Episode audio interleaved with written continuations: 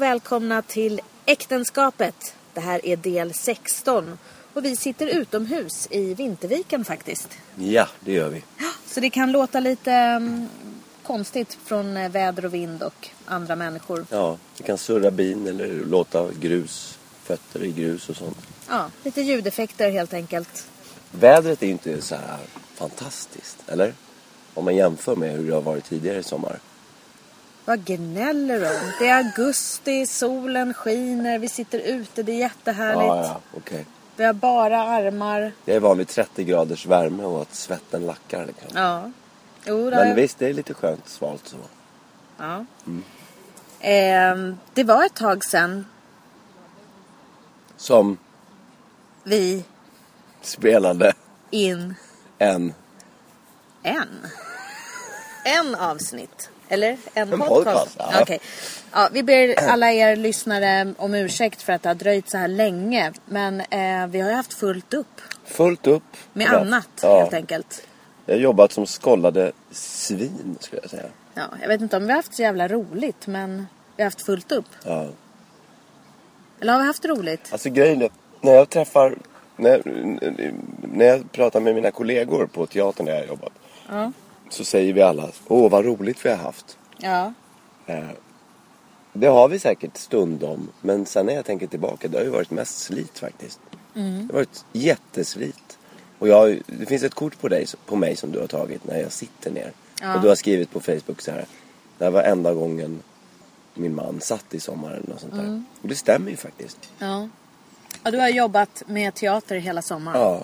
Och varit på väg och liksom varit, ja men det har varit, det har varit så här inrutat schema, man har varit stressad hela tiden. Ja. Jag tror jag kan räkna på ena handens fingrar hur många gånger jag verkligen har suttit ner och bara varit närvarande i nuet. Ja. För det är fan inte ofta alltså.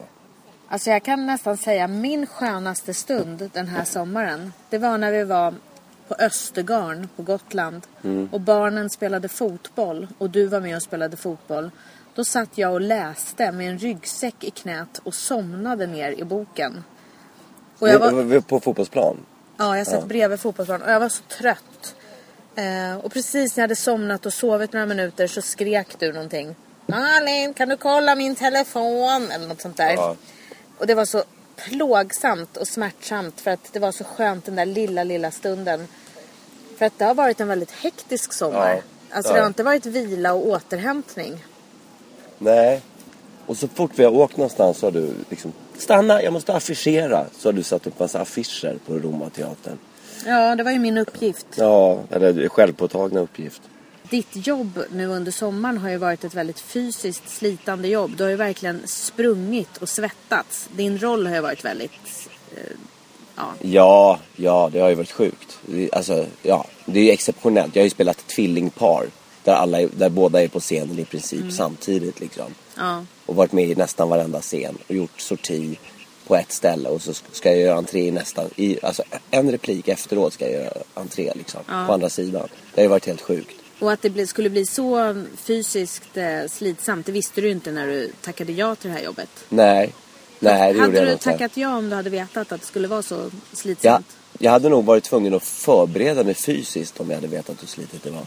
Alltså det var ju, du vet när vi spelade i 30 graders värme, dubbla föreställningar i det här gradängsystemet som var som att liksom allting bara studsade upp på oss på scen. All värme reflekterades mot scengolvet liksom. Det var ju så jävligt varmt. Ja. Så att så fort man kom in så svettades man. Och jag hade mycket kläder på mig. Jag skulle byta kläder hela tiden. En väldigt fysiskt krävande roll som krävde väldigt mycket. Så att jag hade ju, det var ju folk som sprang med så här, med, som på ett maraton med vatten. Mellan, alltså när jag skulle komma från ett ställe till ett annat, byta lite kläder emellan och släpa på fyra resväskor, väskor, svärd och flytvästar hade jag på mig och allt möjligt. Ja. Då hade jag ju folk som sprang med vatten liksom mellan. Och jag var tvungen att dricka två Resorb före varje föreställning så att inte vätskan bara skulle försvinna. För jag svettades så fruktansvärt mycket. Ja. Mm. Jag kunde vrida ur mina kalsonger. Du vet, fem minuter in i föreställningen liksom. Men jag måste säga att du har ju verkligen gjort allt möjligt i den här föreställningen. Alltså Shakespeares text, du har spelat flöjt, du har spelat dragspel, du har sprungit, Gitarr. Ja. gitarr har du spelat. Alltså, eh, du har ju liksom varit överallt. ja. Ekonomiskt har det ju varit katastrofsommar. Ja, vi är back. Vi är skuldsatta, fast skuldsatta. du har jobbat järnet och jag också har hjälpt till lite. Vi har jobbat hela familjen på teatern och vi kommer hem med skulder. Ja. Pankare än någonsin. Vi hade haft mer pengar om vi inte hade jobbat. Jag hade haft mer pengar om jag bara hade legat liksom på balkongen hela sommaren. Faktiskt. Men det där är väl en märklig kulturpolitik. Det är ju som att det är liksom, nej men du ska väl vara glad och tacksam att du får jobba med kultur. Då ska du väl inte ha något betalt. Nej. Det låter som att du är liksom nästan lite bitter, hör jag mellan raderna. Det låter som att du tycker att du har slitit så mycket. Ja men det har jag. Man hetsar och sliter och liksom kämpar hela tiden. Och, och, och så får man ingenting tillbaka. Det är ju det. Men, så känner jag, men så känner jag med allt. Och det är inte bara, det är inte bara så praktiskt med pengar och så. Utan så kan jag känna liksom i hela mitt...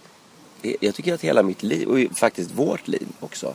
Att vi sliter med barnen och liksom sådär. Och, och att det är väldigt sällan vi får njuta liksom av... Får, det är sällan vi får skörda frukterna av våra ansträngningar. Jag hade ett ögonblick faktiskt som var väldigt speciellt och det var när vi var när vår dotter fyllde år. Hon fyllde 12 år i sommar. Och vi tänkte fira henne med att åka till Kneippbyns vattenland. Men det visade sig att hon hade helt andra planer som inte inkluderade familjen. Nej. Hon ville fira med sin kompis, sin tonårskompis som hon hade fått och åka och shoppa i Visby. Ja. Och det var svinhett ute. Och då bestämde vi att vi skulle åka med våra två söner istället. ja, vi lämnade dottern Ja. och så tog vi sönerna till vattenlandet. Så vi behöll ursprungsplanen att fira henne på vattenlandet men hon var inte med.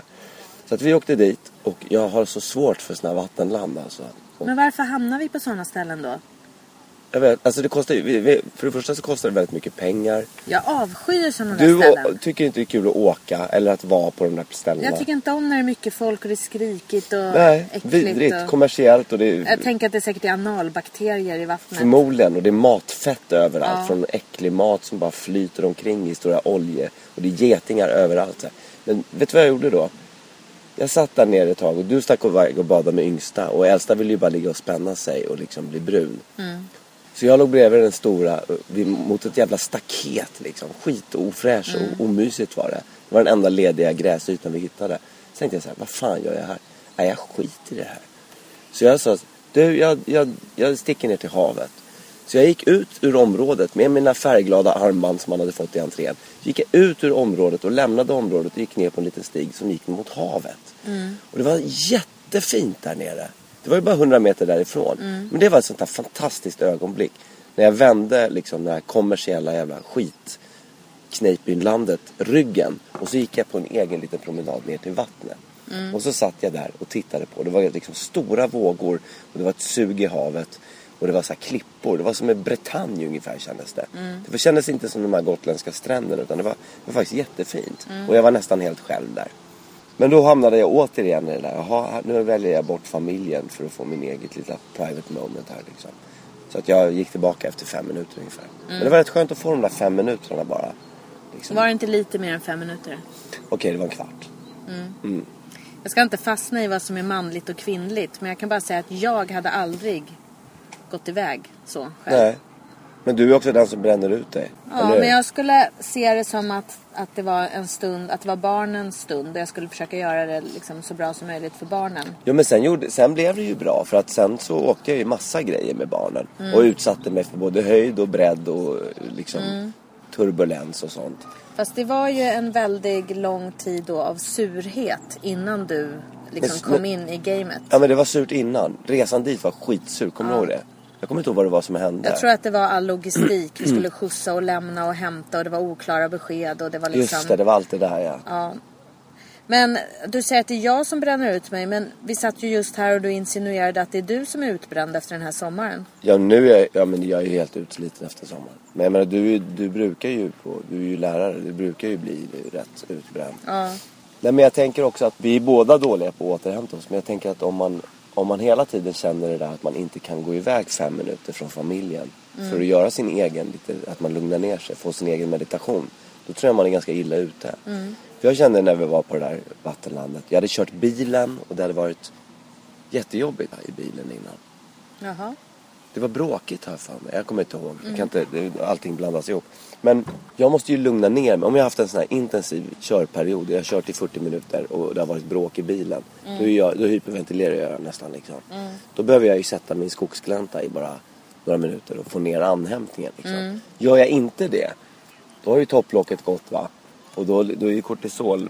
Heter det kortisol i kroppen? Den kemiska. det har jag snackat med en, en, Amygdala har eh, Ja, reagerat. producerat och producerat sånt där flykt och stresshormon. Och det tar, det kan ta 24, jag tror det tar 24 eller 48 timmar för det där att lägga sig. Och jobbar man upp de där topparna för ofta, då ligger det och kokar i blodet va. Mm. Och det är ju då man blir sådär tokig liksom. Men det Och där sur undrar till jag. slut. Ja, men så där undrar jag. Är det normalt att ha det sådär? Alltså jag har en känsla av att det är jättemånga som åker på semester och att det är så lugnt och harmoniskt och, och så. Men när man ser andra barnfamiljer så ser ju de flesta rätt beklämda ut. De ser svettiga ut, de ser trötta ut, de ser sura ut. Eh, De, de ser, det, familjesemester är ju bara en massa konstiga kompromisser. Ingen är egentligen riktigt nöjd. Nej. Och det ser jobbigt ut. Men jag Ja. känner nu, jag kom ju hem med barnen lite tidigare. Du var ju kvar på Gotland, några föreställningar. Men jag har haft några underbara dagar hemma här nu. Ehm, Alltså du behöver inte ta åt dig nu, men det var jätteskönt att inte du var med. Okej. För att då har jag fått sitta ostört på balkongen. Jag har liksom kanske tagit en kaffe, suttit och bläddrat i DN. Kanske gått och lagt mig och vilat lite. Gått ner och badat med något av barnen. Ja. Det har varit jätteskönt. Vi har verkligen liksom försökt varva ner i några dagar. Ja, Och det gör vi ju väldigt sällan när du är hemma. är det så? Känner du igen den här Ja. bilden eller tycker att det Ja, är men jag har nog svårt att varva ner när jag, när jag är hemma. Jag har nog svårt för det. Så därför har jag nu bestämt mig för, så fort min röst kommer tillbaka, att jag ska låta bli att skrika. Vad bra. Mm. Ja. Jag ska inte höja rösten. Jag ska inte gå in i affekt. Jag ska inte gå in i konflikter. Eh, jag ska inte tjata. Hur ska du göra för att åstadkomma det här då? Jag tror att jag måste hitta de här små lugna stunderna. Mm. Att jag ser till att det där kortisolet inte liksom åker upp i topp Mm. i 100% hela tiden. Så jag ska hitta ett slags lugn på något sätt. Mm. Det ska jag jobba på i höst. Okej, det låter roligt. Ja, Men jag jag, undrar, hur många ändra. är det i våran situation då med tre barn som får känna att de får njuta och slappna av? Jag vet inte, jag var inne lite på det här med hur lätt det är att ha familj och att ha semester och att vara nöjd. Och är det bra att du jobbar på somrarna eller är det bättre att vi alla är lediga? För att när vi var lediga förra sommaren var du ju inte heller nöjd. Nej, jag tyckte du att det blev tråkigt. Ja, Så att det kanske inte är dumt eh, att dela upp somrarna heller. att man hälften gör- hälften. Ja, eller att man gör olika saker. Att jag och de barnen som kanske gillar att bada och slappna av och läsa och sådär. Att vi kanske kan göra det själva någon vecka. Ja, precis. då, Verkligen. då kan du sitta och eh, vara lite hetsig någon annanstans. Ja, absolut.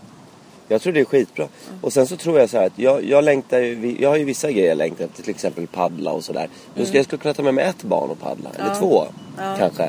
Så behöver man inte tjata på de som inte vill. Nej. Och så kan eh, de äldsta kan ju åka på Gothia Cup och göra såna grejer Mm. med sina polare. Och så kan du och jag kanske, om vi skulle kunna fixa barnvakt, vara vara ute liksom kanske några dagar, ta en helg någonstans. Mm. Men Men det ju... krävs ju pengar då. Jo, jag har ju en sån här bild av att på sommaren så umgås man och man hänger med familjen och man får tid för varandra och sådär. Och jag var inte riktigt beredd på det här med att barnen vill bort från en. Nej. Att de börjar bli så stora nu så att de börjar liksom ha egna planer och bestämmer saker med andra. Alltså när jag var liten fanns det ju inga smartphones. Jag kunde inte sitta och ha ett eget nätverk och bestämma vi ses där och där om två timmar eller imorgon allihopa ses vi. Helt plötsligt har ju våra barn smidigt massa egna planer. Vilket gör att du och jag sitter och kör Ja, den precis. där Det är det jäkla bilen och lämnar och sen ska man komma och hämta. Och så blir man sur och så vill man inte känna sig sur och som en dålig förälder utan det är klart vi ska skjutsa och liksom och så blir det ändå jävligt tråkig stämning. Ja. Och så är den yngsta kvar och undrar vart tog alla vägen? Ja, Skulle inte och vi- jätteledsen och fick Ja. inte följa med och Skulle inte vi bada ihop? Och då får man hålla på en hel dag med att göra den glad igen. Ja. ja, men det är väl det som har gjort också att det har blivit så fruktansvärt stressigt i sommar. Att förutom jobbet då, som har börjat på eftermiddagen och sen pågått till midnatt så har liksom förmiddagen också blivit sådär. Mm. För att man ska upp tidigt då för att skjutsa någon i 45 minuter ner till liksom södra delen av Mm. ön. Och sen ska hämta och planera med dens föräldrar. Och särskilt när man har barn som är ganska inkonsekventa och ändrar sig hela tiden också. Ja. Så att, nej men det är jätte... Och det är lite lustigt också när man tidigare år har känt att när man tidigare år har känt att, att barnen har liksom suttit fast vid en lite för mycket. Ja. Lite nästan incestuöst liksom. Så har man känt att men fan, där har du kompisar, stick och lek liksom. Ja, De bara, hitta på något "Nej, eget." jag vill åka berg och dalbana med dig pappa. Ja. Liksom. Jag vill bada med dig. De är nu, kränkt på nu henne. börjar jag sakna det. Ja, nu För nu, tvärtom. den tiden är liksom redan över Ja. och det gick så himla fort. Och nu börjar jag känna, som jag inte var beredd på att jag skulle känna, jag börjar känna mig som en utnyttjad plånbok. Ja. Alltså, jag hör mig själv säga såna här repliker som Ja, ni pratar bara med mig när ni vill ha pengar. Mm. Och det trodde jag aldrig att jag skulle stå och säga men Ja, Nej, jag säger också, jag har bara varit din chaufför den här sommaren och sådana där grejer liksom. Ja. Samtidigt som jag tycker att det är underbart att de väljer att rikta sig utåt i världen och ge sig ut på egna äventyr. Ja. Men det är väl en sån mellanperiod nu när vi liksom på något sätt får slussa in dem i det där. Och sen Jo. kommer det ske automatiskt. Ja. Sen kommer de liksom tjuvkoppla en bil för att ta sig till ställen de vill eller Nej, jag skämtar. Skulle du uppmuntra det? Lifta eller? Nej, verkligen inte. Nej. Men jag menar sen kommer de hitta sina egna sätt att ta sig. Ja. Att, Men det är ju någonting det där med semester. Alltså, när, när man inte hade barn och man kunde liksom lägga upp dagarna precis som man ville. Man kunde vila, man kunde liksom sitta och läsa en bok ostört och det där. De här otroligt uppluckrade dagarna när man har en tid att passa för du ska in på teatern och eh, det, det kan jag tycka har varit lite smärtsamt. Speciellt med våran sjuåring som liksom har upptäckt åh jag kan simma på rygg. Ja. Åh det här vill jag testa. Eller hoppa från hopptornet. Precis som det har varit som mest spännande för honom. Då har man liksom ropat nu måste vi åka, kom nu. Alltså det har blivit Ja. ganska hetsigt. Jo. Och jag vet inte, folk som har sett oss utifrån måste ha tyckt fy vilka otrevliga Ja, människor. ja.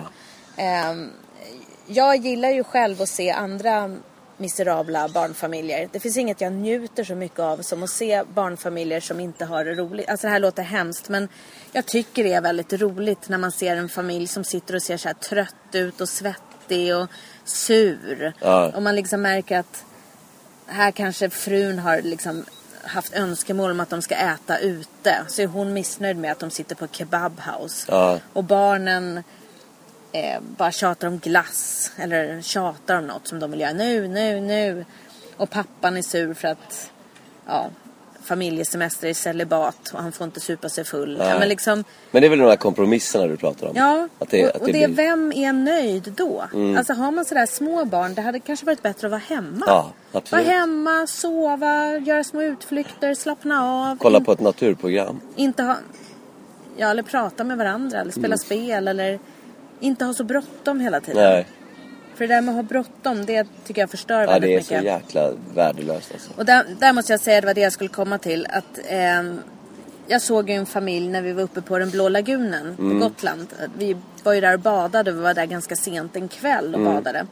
Och då såg jag en familj där var en pappa som började bli så desperat för hans barn ville aldrig komma upp ur vattnet.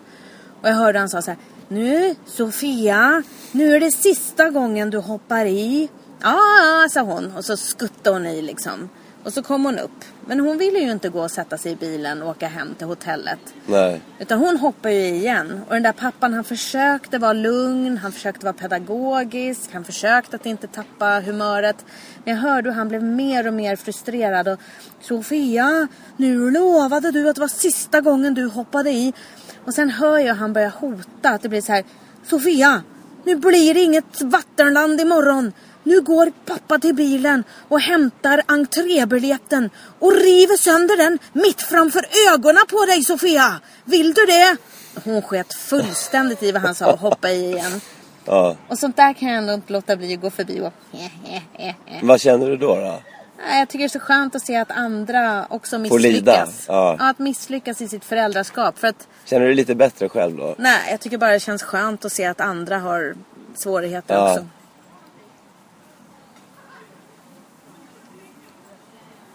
Ja. Och där satte vi punkt. Nej. Nej men det är...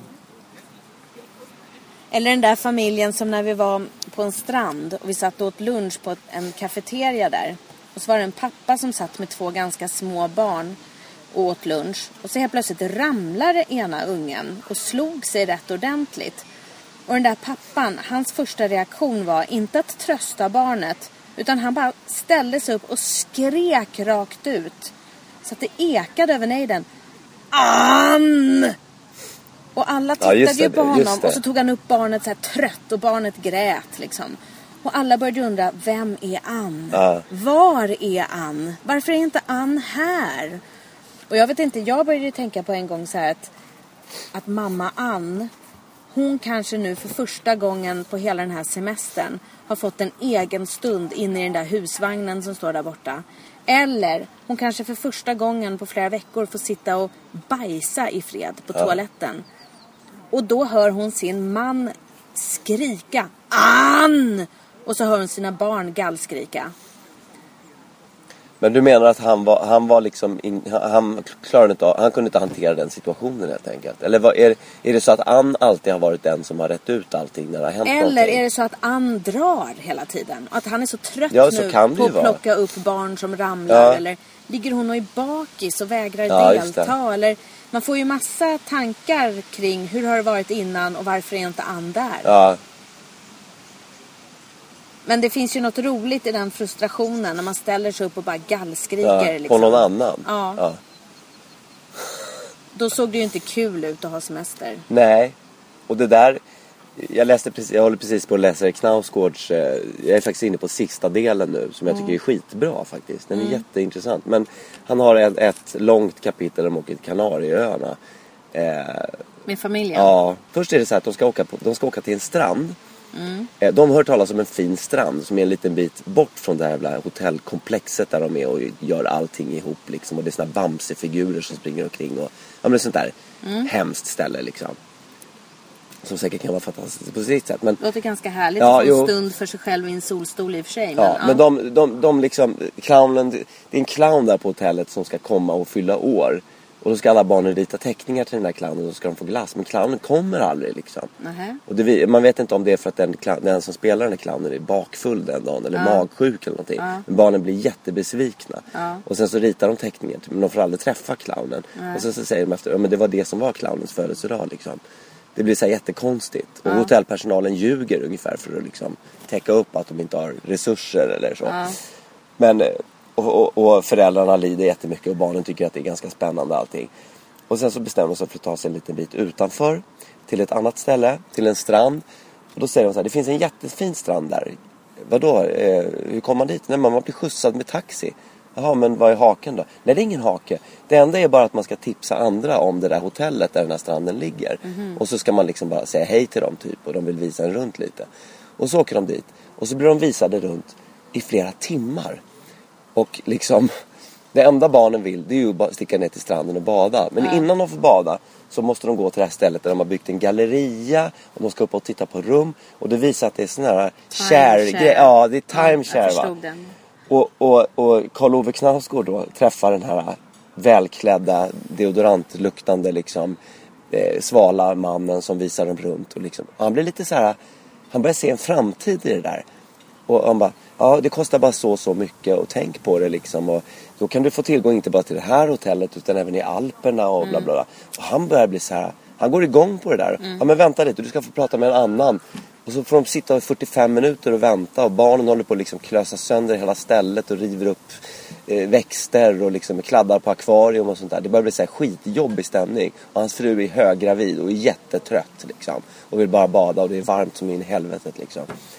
Slutar med att han sitter där och är på väg att ringa till sin mamma och fråga om hon kan liksom sk- skicka pengar för i första inbetalningen och sånt där. Men sån, en sån där grej kan jag känna igen så himla tydligt. Liksom. Ja.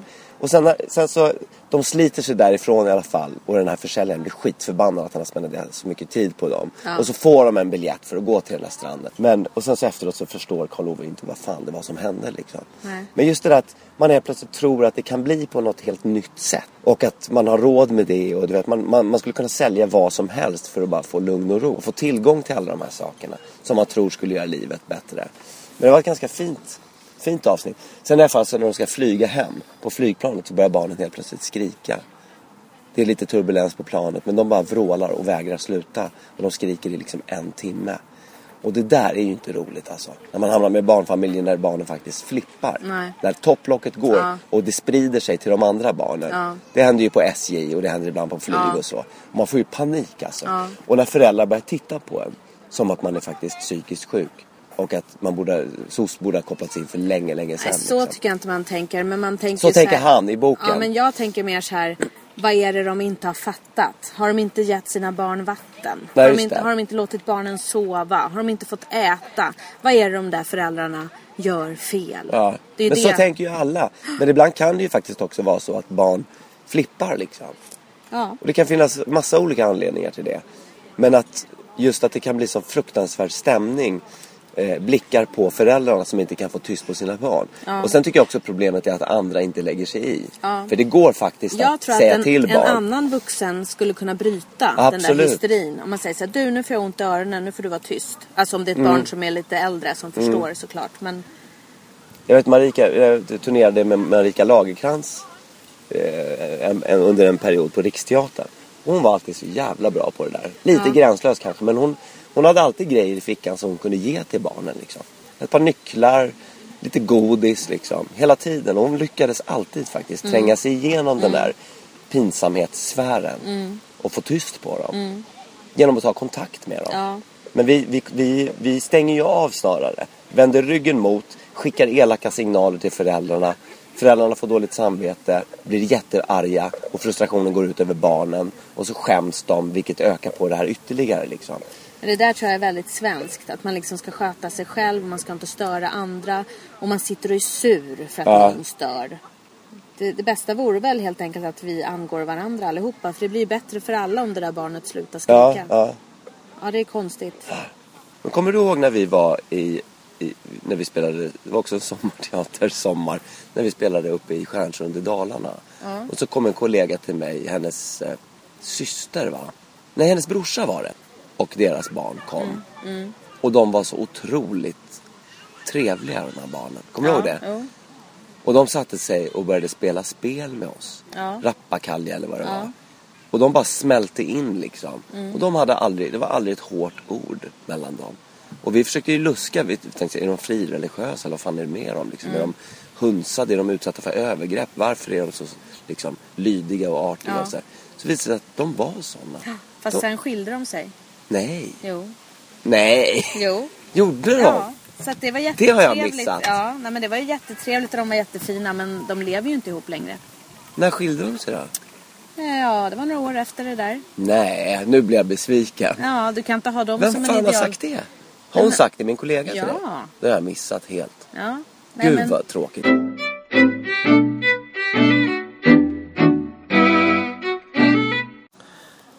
Du har ju övningskört igen i sommar Malin. ja, att du sa igen var väl lite onödigt. Ja men det, det är ju så. Ja. Varje sommar gör vi ett försök att du ska fixa körkort. Ja. Men sen händer ju det där då under resten av året att jag jobbar så mycket och du kanske jobbar i Göteborg eller Malmö och jag är ensam med barnen och det blir svårt. Men nu känner jag faktiskt att jag är lite mer på G än vad jag har varit förut. Ja. Eller jag kan ju inte parkera Nej, du kan ju köra rakt fram. och svänga. Med mer eller mindre framgång. Ja. Men du, jag tycker i alla fall att du har, du har hittat dragläget på ett helt nytt sätt än för många år sedan. Ja. Det är ju någonting nytt som har kommit i år. Är det här ett försök att vara positiv och peppa och ge beröm? Ja, nej men det, det, det, det är massa olika saker. Men en sak som jag tycker är ganska härlig. Det är när du kör, när du, när du kör bilen och eh, du upplever hur jobbigt det är när barnen skriker i baksätet. Tycker att det är härligt? Ja, nej men för då känner jag så här. Ja, så här har jag haft det i 13 år.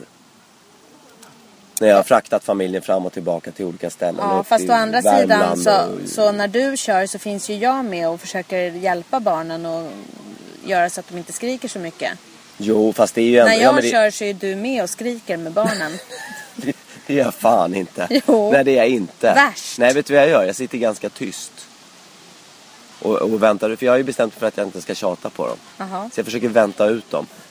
Eh, och kolla på vägen och är rädd att ingripa med ratten om du skulle släppa den helt plötsligt för att du blev arg eller så. Ja. Men jag har ju suttit där folk faktiskt, jag, jag har ju haft sådana här 12 timmars körningar upp till, upp till eh, Jämtland och Vålådalen när jag har fått saker kastade på mig i bilen. Ja. Hårda föremål i bakhuvudet till exempel. Ja. Det är jättesvårt att köra då. Ja. Men om vi inte ska prata om dig nu utan gå Nej. tillbaka till mig. Ja. ehm, så måste jag ju säga att jag tycker inte, jag är inte riktigt nöjd med din roll som handledare för mig nu Nähä. i övningskörningen. Nähä, Ehm, okej. Kommer en utvärdering. Ja, jag tycker att du hade kunnat engagera dig lite mer. Du hade kunnat ge lite positiv feedback, vara lite peppande. Istället så har du verkligen eh, talat om allt dåligt jag gör. Plus att du sitter och smsar när jag, Jag kör. kan inte riktigt hålla med. Jag kan inte riktigt hålla med. Jag tycker att jag har peppat dig. Jag, vad, jag, vad har du gjort då när du har peppat jag mig? För det här- har gått mig förbi. jag har sagt så här, gud vad mjukt och fint du kör nu. Men då säger du ju ironiskt. Nej. Då säger du så här, Nej. det där gjorde du ju lite skönt. Alltså då har du ju sagt det ironiskt för att terra mig. Nej, det har jag inte. Jag, har, jag tycker jag har peppat dig och sagt att du har gjort enorma framsteg den här sommaren. Sen ibland har jag ju sagt att jag tycker att du ska öppna teoriboken. Eller titta på den där appen med liksom körkortsteori. Jag gör det ibland. Ja, under den här sommaren så har du gjort det en gång. Jag har gjort saker som inte du vet om. Och som du inte själv heller vet Jo, om. jag har bläddrat i boken. När har du gjort det? Ja, du har ju varit borta hela kvällarna och spelat teater så du har ju ingen aning Men om du har vad ju jag också gjort. varit på teatern. Och du kan ju knappast haft mer i teoriboken när du har stått och sålt korv liksom. Nej, men jag har kanske haft stunder. Du kanske har haft det, men har du haft det eller har du inte haft det? Jag har haft några stunder kan jag Kan säga. du säga hur många och hur många ja, minuter? En, en med boken. En stund med boken. Ja, kanske sju minuter. Och några gånger med appen. Jag kan säga att jag tycker inte att det räcker som ett seriöst försök nej, att ta nej, körkort. det är klart. Men nu ska jag börja läsa teori. Ordentligt. Ja, okej. Nu när vi är hemma. Ja, bra. Jag hade inte ens en läslampa på Gotland. Det fanns hur många lampor i det där huset som helst. Jag hade kunnat fixa. Nu ljuger du. Du Jag hade inte du en slingrar dig och läslampa. ljuger. Ja, vill du påstå att jag hade en läslampa? Det stod ju en lampa där. Nej, bara på din sida. Ja, okej, men då hade vi kunnat byta så du, vi hade kunnat byta sida. Nej, för där låg ju du och läste Knausgård. Ja, men vi hade kunnat skaffa en till lampa till dig. Det Jaha. fanns ju, såg du inte där i hallen? Det fanns ju 70 lampor. Taklampor ja. Nej, små lampor. Jaha. Ja. Det var ju synd. ja, du ville inte Malin. Du tycker det är tråkigt med Jag teori. kanske var trött. Ja, kanske det. Men det är en sån sak som jag tror om båda har körkort så underlättar det jättemycket för till exempel... So long, hasta la vista säger jag bara. Sen drar jag.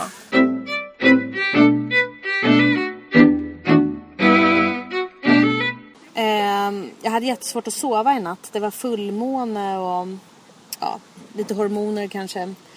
Men jag låg och tittade på nyheterna på min mobil. Ja. Och så läste jag då att Robin Williams eh, tog livet av sig igår Ja, eh, skådespelaren, stuparen Robin Williams. Eh, han var ju drygt 60.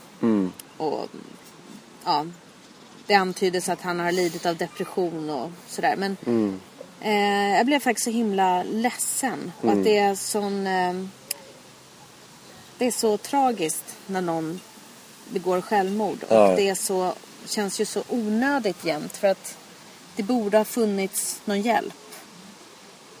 Man undrar hur har den här sista tiden varit? ja.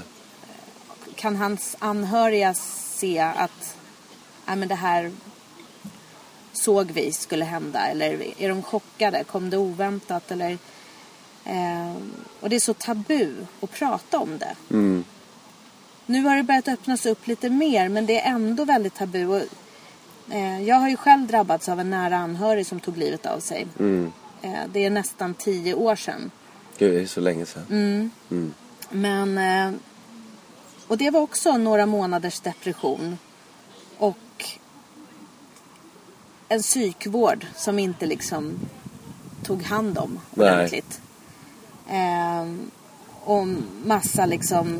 Ja, det, det gick att falla mellan stolarna på väldigt många sätt. Och det var dålig kommunikation och dålig planering. Och inga resurser och allt vad det var. Men det som jag har tänkt på efteråt, för att mitt liv blir aldrig detsamma. Nej. Före det där och sen efter. Jag kan säga, det var, det var en morbror till mig som jag älskade väldigt mycket. Eh, och som var mer kanske som en storebror. Han var jätteviktig i vår familj för alla. Eh, och när han valde att göra så, att ta livet av sig, så blir också alla som är kvar, man blir kvarlämnad. Ehm, och det går inte att förbereda sig på, men det jag blev förvånad över, förutom att jag såklart var fruktansvärt ledsen, var att jag skämdes väldigt mycket. Och för det, vem? Ja, inte för någon särskild. Och jag hade inte kunnat göra någonting annorlunda eller göra någonting mer. Eh, kanske, liksom. Men jag skämdes. Jag tyckte att det kändes som att jag fick någon stämpel i pannan. När jag var ute bland folk på stan så kändes det som att jag var inte lika mycket värd som alla andra. För jag hade en släkting som hade tagit livet av sig. Mm. Eh, och jag vet inte vad det där var för känsla men eh, det kändes som en väldigt så här, gammal eh, modig känsla. Ja. Det kändes som något bibliskt mm. som kom över en. Det var liksom en eh, och jag vet inte om skam är rätta ordet för att beskriva vad jag kände men eh, jag kände att jag var liksom ovärdig som människa när man har någon som väljer att inte leva längre. Mm. Men, men men för, det första så är det ju, så har det ju alltid, det har ju funnits tidigt alltså en skam kring det där.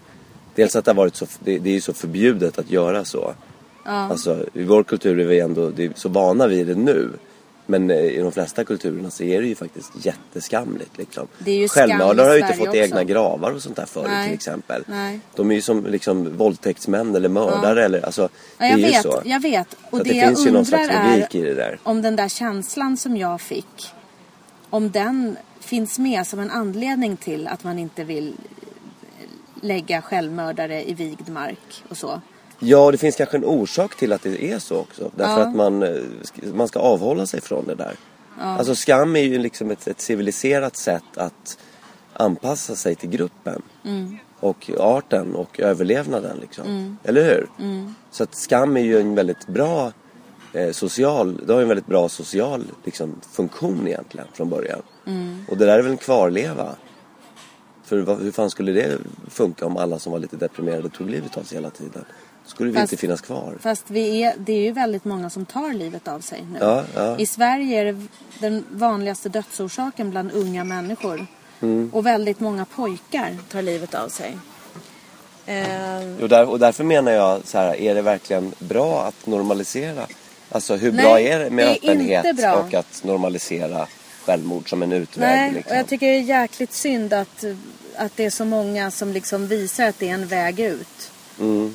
Um, man blir rätt skadad av att ha en släkting som har tagit livet av sig. För att han var 51 när han tog livet av sig och jag är 44 och jag har liksom hela tiden tänkt Tänk om jag blir sådär också när jag är 51. Mm. Det här kanske är något i min släkt. Det här kanske är något som jag och mina barn kommer drabbas mm. av. Alltså man, man får en skräck.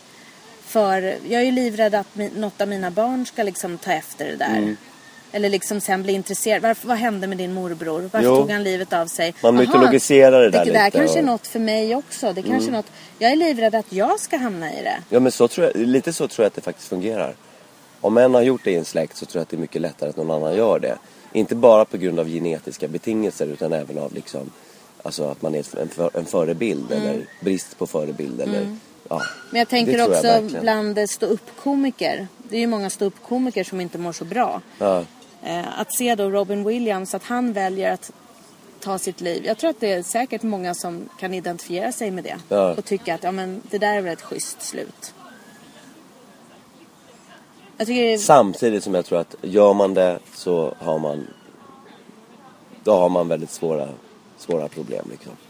Självklart. Så. Det är, då är man så djupt nere så att det är svårt att föreställa sig om man inte har varit där själv. Nej, men jag måste bara säga den här, den här skammen som du pratar om. Ja. Eh, jag, jag har ju, vi har ju i vår familj, eller i vår släkt har vi ju liksom eh, självmord har ju funnits med liksom i bilden.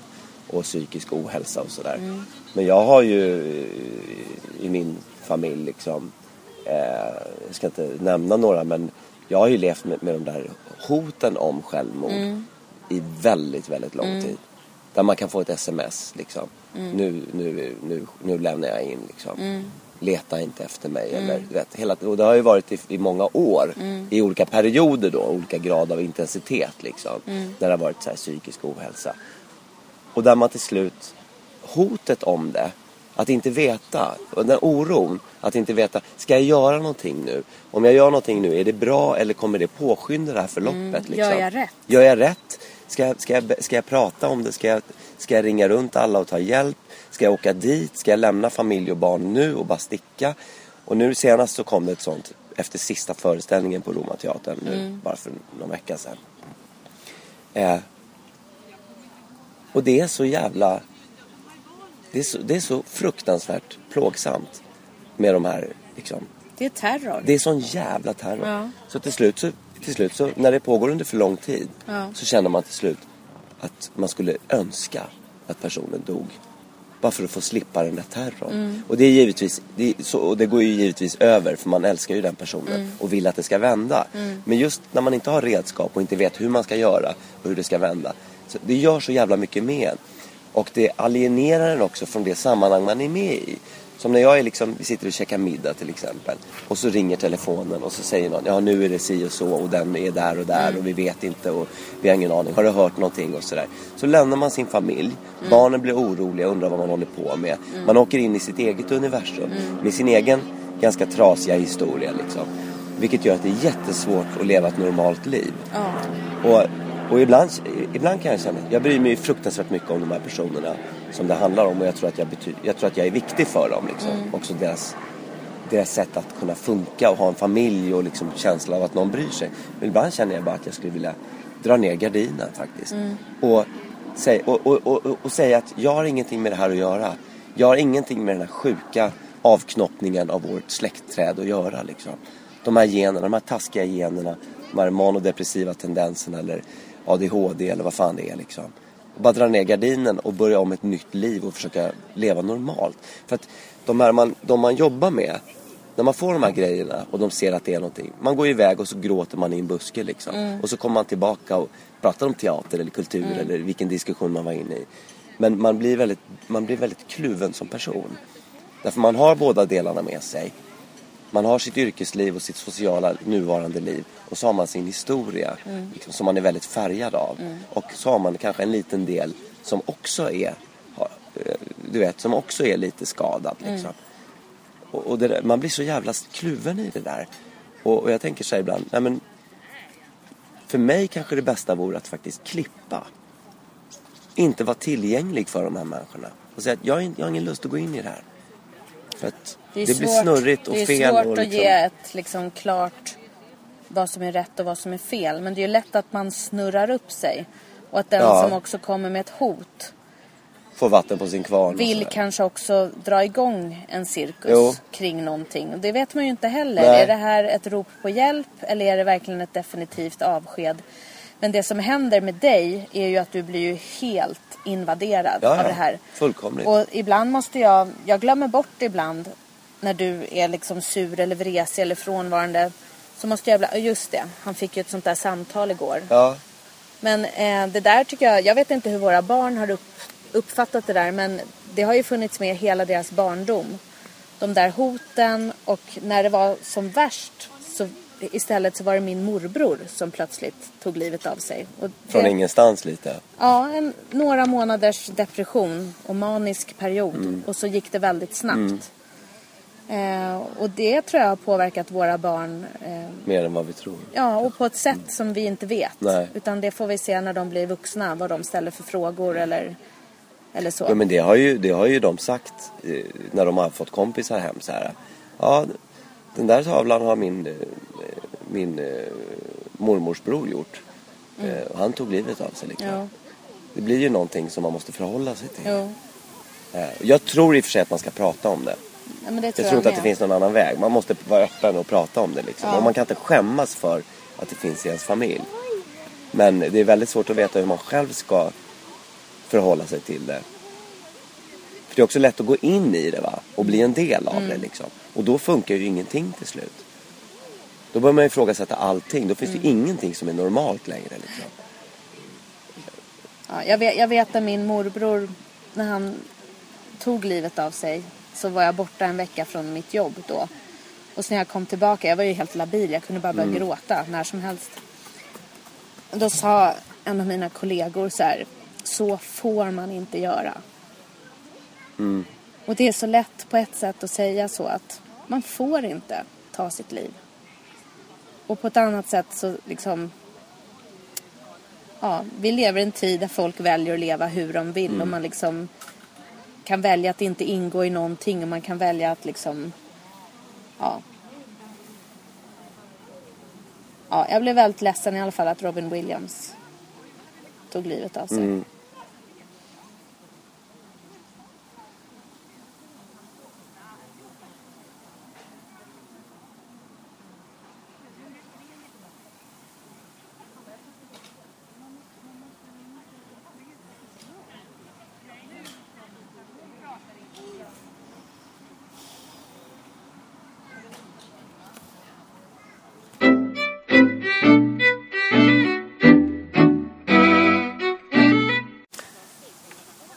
men jag, jag kanske inte har haft så mycket positivt att komma med nu i den här podcasten.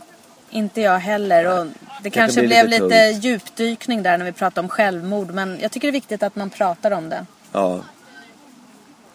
Det kanske det är. Men har vi något positivt Men det här att är komma ju med? humor. Det här är ju, vi, den här podcasten går ju under genren humor. Svart humor. Jävligt svart humor. Mm. Brun humor. Komedi och tragedi ligger nära. Jo. Men vi har väl något positivt att säga innan vi avslutar? Ja. Vi ska ju vara med på humorfestivalen i Lund. Ja! Lund Comedy Festival i slutet av augusti. Ja. Då ska vi spela in nästa podcastavsnitt inför en live studio audience. Ja, det ska vi göra. Lördagen den 30 i Lund kan ni komma och vara publik i Ja. våran inspelning. Och så ska vi också köra stand-up individuellt då. Och vara med i någon jävla tävling. Och jag måste säga, jag har ingen aning om vad jag ska prata om. Jag vet inte vem jag är. Det tycker jag du ska prata om. Det är roligt. Är det det? Ja, jag vet inte heller vem du är. Nej. Just nu har du linne och stråhatt. Ja. Jag måste bara säga, jag körde stand-up igår på Fåfängan Mm. med Sinat Pirzadeh, Clayton Fletcher, eh, Elin Almen och Rune Sörliv. Det var Janne Westerlunds klubb på Fåfängan. Det var så jäkla roligt. Och jag har ju inte kört stand-up under sommaren. Jag trodde att jag skulle få till lite gig på Gotland, men Ja. det blev ju inte så. Nej.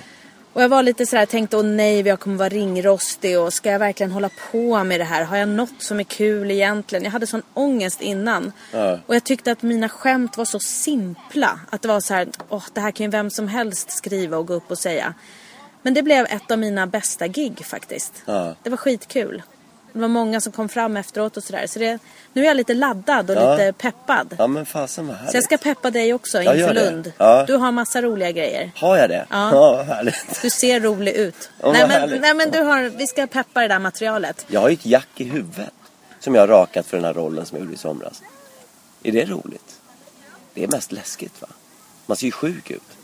Men kära vän, det är inte det jag tycker du ska använda dig av i din standup. Eller hur? Men ska jag dölja det på något sätt? Men hur ska jag förklara att jag har ett jack i huvudet? Nej men det syns inte. Gör det inte? Nej. okej. Bara en sån sak Ja. liksom, gör att man känner sig lite apart. Ja. Men välkomna till Lunds humorfestival. Fredagen den 29 kör vi stand-up på lite olika scener och på lördagen den 30 så spelar vi in nästa avsnitt av podcasten Äktenskapet. Ja, tack och hej.